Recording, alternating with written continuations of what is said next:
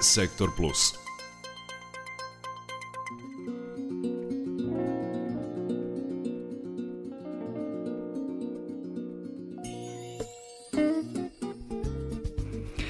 Građanima koji pripadaju teže zapošljivoj kategoriji i povratnicima u Srbiju obezbeđena je pomoć devet nevladinih organizacija radi što lakšeg uključivanja u društvo i tržište rada.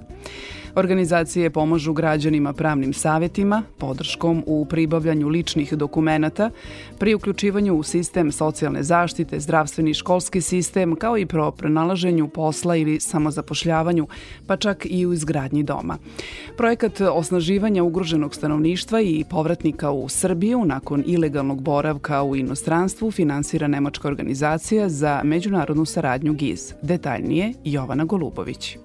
Nevladine organizacije sa sedištima u Beogradu, Novom Sadu, Nišu, Kragujevcu, Prokuplju, Kraljevu i Vranju pomažu povratnicima i ugroženima na različite načine, kroz aktivnosti koje su dogovorene projektom. Ekumenska humanitarna organizacija EHO iz Novog Sada pruža tri vrste podrške – za stanovanje, samozapošljavanje i pravno savjetovanje.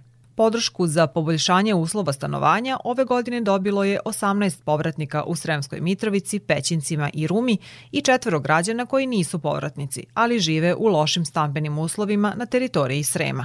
Koordinatorka projekta Ana Birgeš objašnjava šta podrazumeva ta podrška. Dajemo građevinsku pomoć porodicama u građevinskom materijalu, u pomoći od strane naših inženjera za pripremu, da kažem, potrebnog građanskog materijala kao i pri samoj ugradnji. Ukoliko se rade kupatila, tu su specifični radovi u pitanju, a onda od strane e, EHO takođe budu plaćeni i instalaterski radovi u tom kupatilu. Druge radove zapravo izvode sami e, vlasnici kuća. Povratnici su najčešće pripadnici romske nacionalnosti, kaže Ana Birgeš i dodaje da su im mogućnosti za podršku predstavljene uz pomoć poverenika za izbeglice i romskih koordinatora, te da su ih informisali i lično tako da smo mi obilazili romska naselja i na taj način širili priču o vrsti pomoći koju mogu dobiti ugrožene osobe i zatim su bili objavljeni javni pozivi za svaku od ovih podrška na koji su se mogli oni javiti. Čak smo za vreme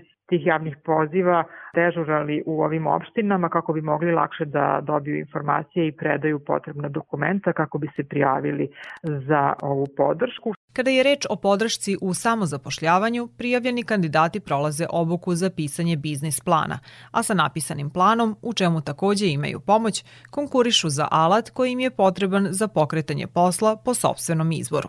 Komisija potom bira one koji dobijaju alat vredan do 750 evra, a za dve godine, koliko EHO sprovodi projekat, u celoj Vojvodini je tu pomoć dobilo 50 osoba, od kojih 80% čine povratnici iz Nemačke i zapadnih zemalja, navodi Ana Birkeš. Na koji način će neka od devet organizacija podržati povratnike i ugrožene grupe zavisi od uslova predviđenih projektom, koji svaka organizacija samostalno osmišljava. Tako, klub za osnaživanje mladih 018 iz Niša uz trening za preduzetništvo obezbeđuje i obuke za određene poslove poput kozmetičara, frizera, ugostitelja, prodavca, varioca i drugih. KOM 018 obuke organizuje prema željama i potrebama korisnika, a projekat realizuju već tri godine, napominje koordinator projekta Nikola Božanović. Mi sa koordinatorima za Leškovac, Lebane i Bojnik posećujemo mahale, odnosno naselja, formalna i neformalna i mesta u kojima živi veliki broj romske populacije i onih koji su povratnici. Informacije o njihovom statusu i o njihovoj situaciji dobijamo na licu mesta. 2018. godine čini mi se smo radili fokus grupe, odnosno imali smo određeni broj tih infosesija kako bismo mogli da dođemo do verodostojnih podataka i da na osnovu toga kreiramo kasnije pakete, odnosno e, da kreiramo usluge koje ćemo im pružiti i koje će oni kasnije koristiti. Nikola kaže da u okviru svih informacionih aktivnosti na početku bude obuhvaćeno više od 600 ljudi, a da se taj broj s drugim aktivnostima projekta drastično smanjuje. Za stručne kurseve bude oko 60 zainteresovanih, dok ih je za pohađanje treninga za preduzetništvo upola manje. Na kraju bude odabrano njih 15 koji dobijaju opremu za početak poslovanja ili unapređenje postojećeg. To što je broj zainteresovanih u romskim zajednicama u startu veliki, dobar je pokazatelj načina rada te organizacije, ističe naš sagovornik. Samim tim što je brojka više od 600, znači da u stvari vam na neki način poklanjaju poverenje da uopšte žele i da razgovaraju sa vama o svom statusu i o svojim eventualnim idejama i željama.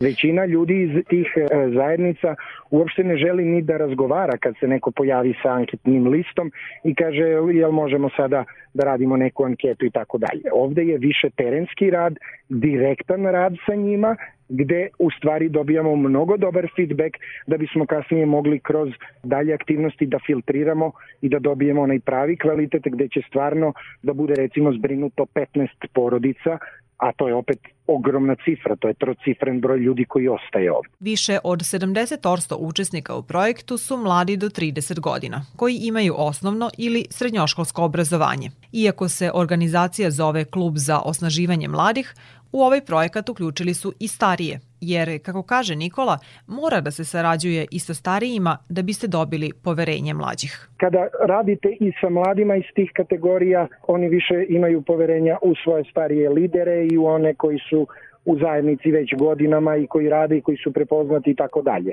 Mlađima je prvo mnogo lakše i da odu, niko to i ne primećuje, s obzirom da idu i na studije, idu kod rođaka u posetu, pa se ne vrate, to niko ne beleži. I služba za migracije i komesarijat za izbeglice onda nema jasan uvid u to kolike su migracije između naše zemlje i zemalja Evropske unije posebno Nemačke u ovom slučaju.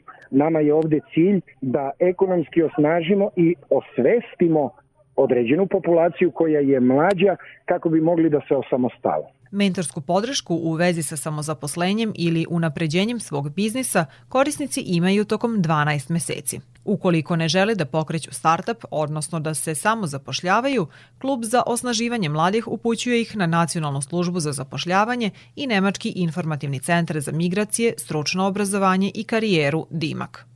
Sa druge strane, Razvojni biznis centar u Kragujevcu za povratnike i druge teže zapošljive kategorije stanovništva organizuje plaćene prakse za zanimanja koja poslodavci ne mogu da pronađu na tržištu rada. Objašnjava za naš radio Nemanja Jovičić iz te organizacije. Mi u prvom koraku tražimo kompanije koje su zainteresovane i kojima su potrebni novi zaposleni i to radimo putem javnog poziva, raspišemo javni poziv, ispromovišemo ga, regrutujemo poslodavce i selektujemo one koji nam se čine, da kažemo, i dovoljno ozbiljni i s druge strane društveno odgovorni i sa njima spravimo sporazume i onda tražimo isto putem javnog poziva i drugih organizacija koje rade sa ovim ciljnim grupama na teritorijama na kojima su se prijavili poslodavci, regrutujemo kandidate i povezujemo ih onda sa poslodavcima i organizujemo im radne prakse u trajanju od nekih dva meseca. Oni su za taj period plaćeni, imaju u kompanijama mentore koji ih podučavaju i prate njihov napredak i na kraju svega toga svi oni koji se dobro pokažu i koji uspešno prođu radnu praksu dobiju ponudu i za posao jer poslodavci mi selektujemo takve poslodavce koji žele da zapošljavaju i imaju potrebu za zapošljavanje. Javni pozivi za obavljanje prakse zatvoreni su sredinom oktobra, a u ponudi su bili poslovi građevinski radnik, električar, elektromonter, krojač, šivač, higijeničar, radnik u obezbeđenju, prodavac u pekari. Odabrano je 50 prijavljenih, od kojih polovinu čine žene, dodaje Nemanja Jovičić. Mi gledamo da to bude 50-50%, tako je negde bilo i sa prijavama i baš smo vodili računa i pri izboru zanimanja da imamo takva zanimanja koja su odgovarajuće i koja privlače kako osobe muškog, tako i osobe ženskog pola. I naravno Gizi insistira na tome i mi se potpuno slažemo i podržavamo taj pristup i na taj način i radimo. Za praksu se podjednako prijavljuju i mladi i stariji. Od recimo onih koji su tek radno sposobni, to su negde godine od punoletstva, pa ih ima do nekih čak 50-ak, 50 i neku godinu. Nemamo u nekoj kategoriji da je dominantan broj. Onako prilično je pravilno i homogeno raspoređeno u, u smislu starosti. I mi očekujemo da nekih 60% od ovih lica koja će nam ući na plaćene prakse i ostanu da rade u tim kompanijama. To je nekako i neka statistika koju do sada imamo na, na nekim većim brojevima i za druge neke kategorije teže zapošljivih lica, tako da očekujemo tako isto da će biti i sada. Podrška povratnicima i lokalnom ugroženom stanovništvu predviđena je sporazumom o readmisiji, a projekat je deo globalnog programa Migracije za razvoj, koji Nemačko ministarstvo za ekonomsku saradnju i razvoj u Srbiji realizuje u partnerstvu sa Ministarstvom za rad, zapošljavanje, boračka i socijalna pitanja, Nacionalnom službom za zapošljavanje i Komisarijatom za izbeglice i migracije.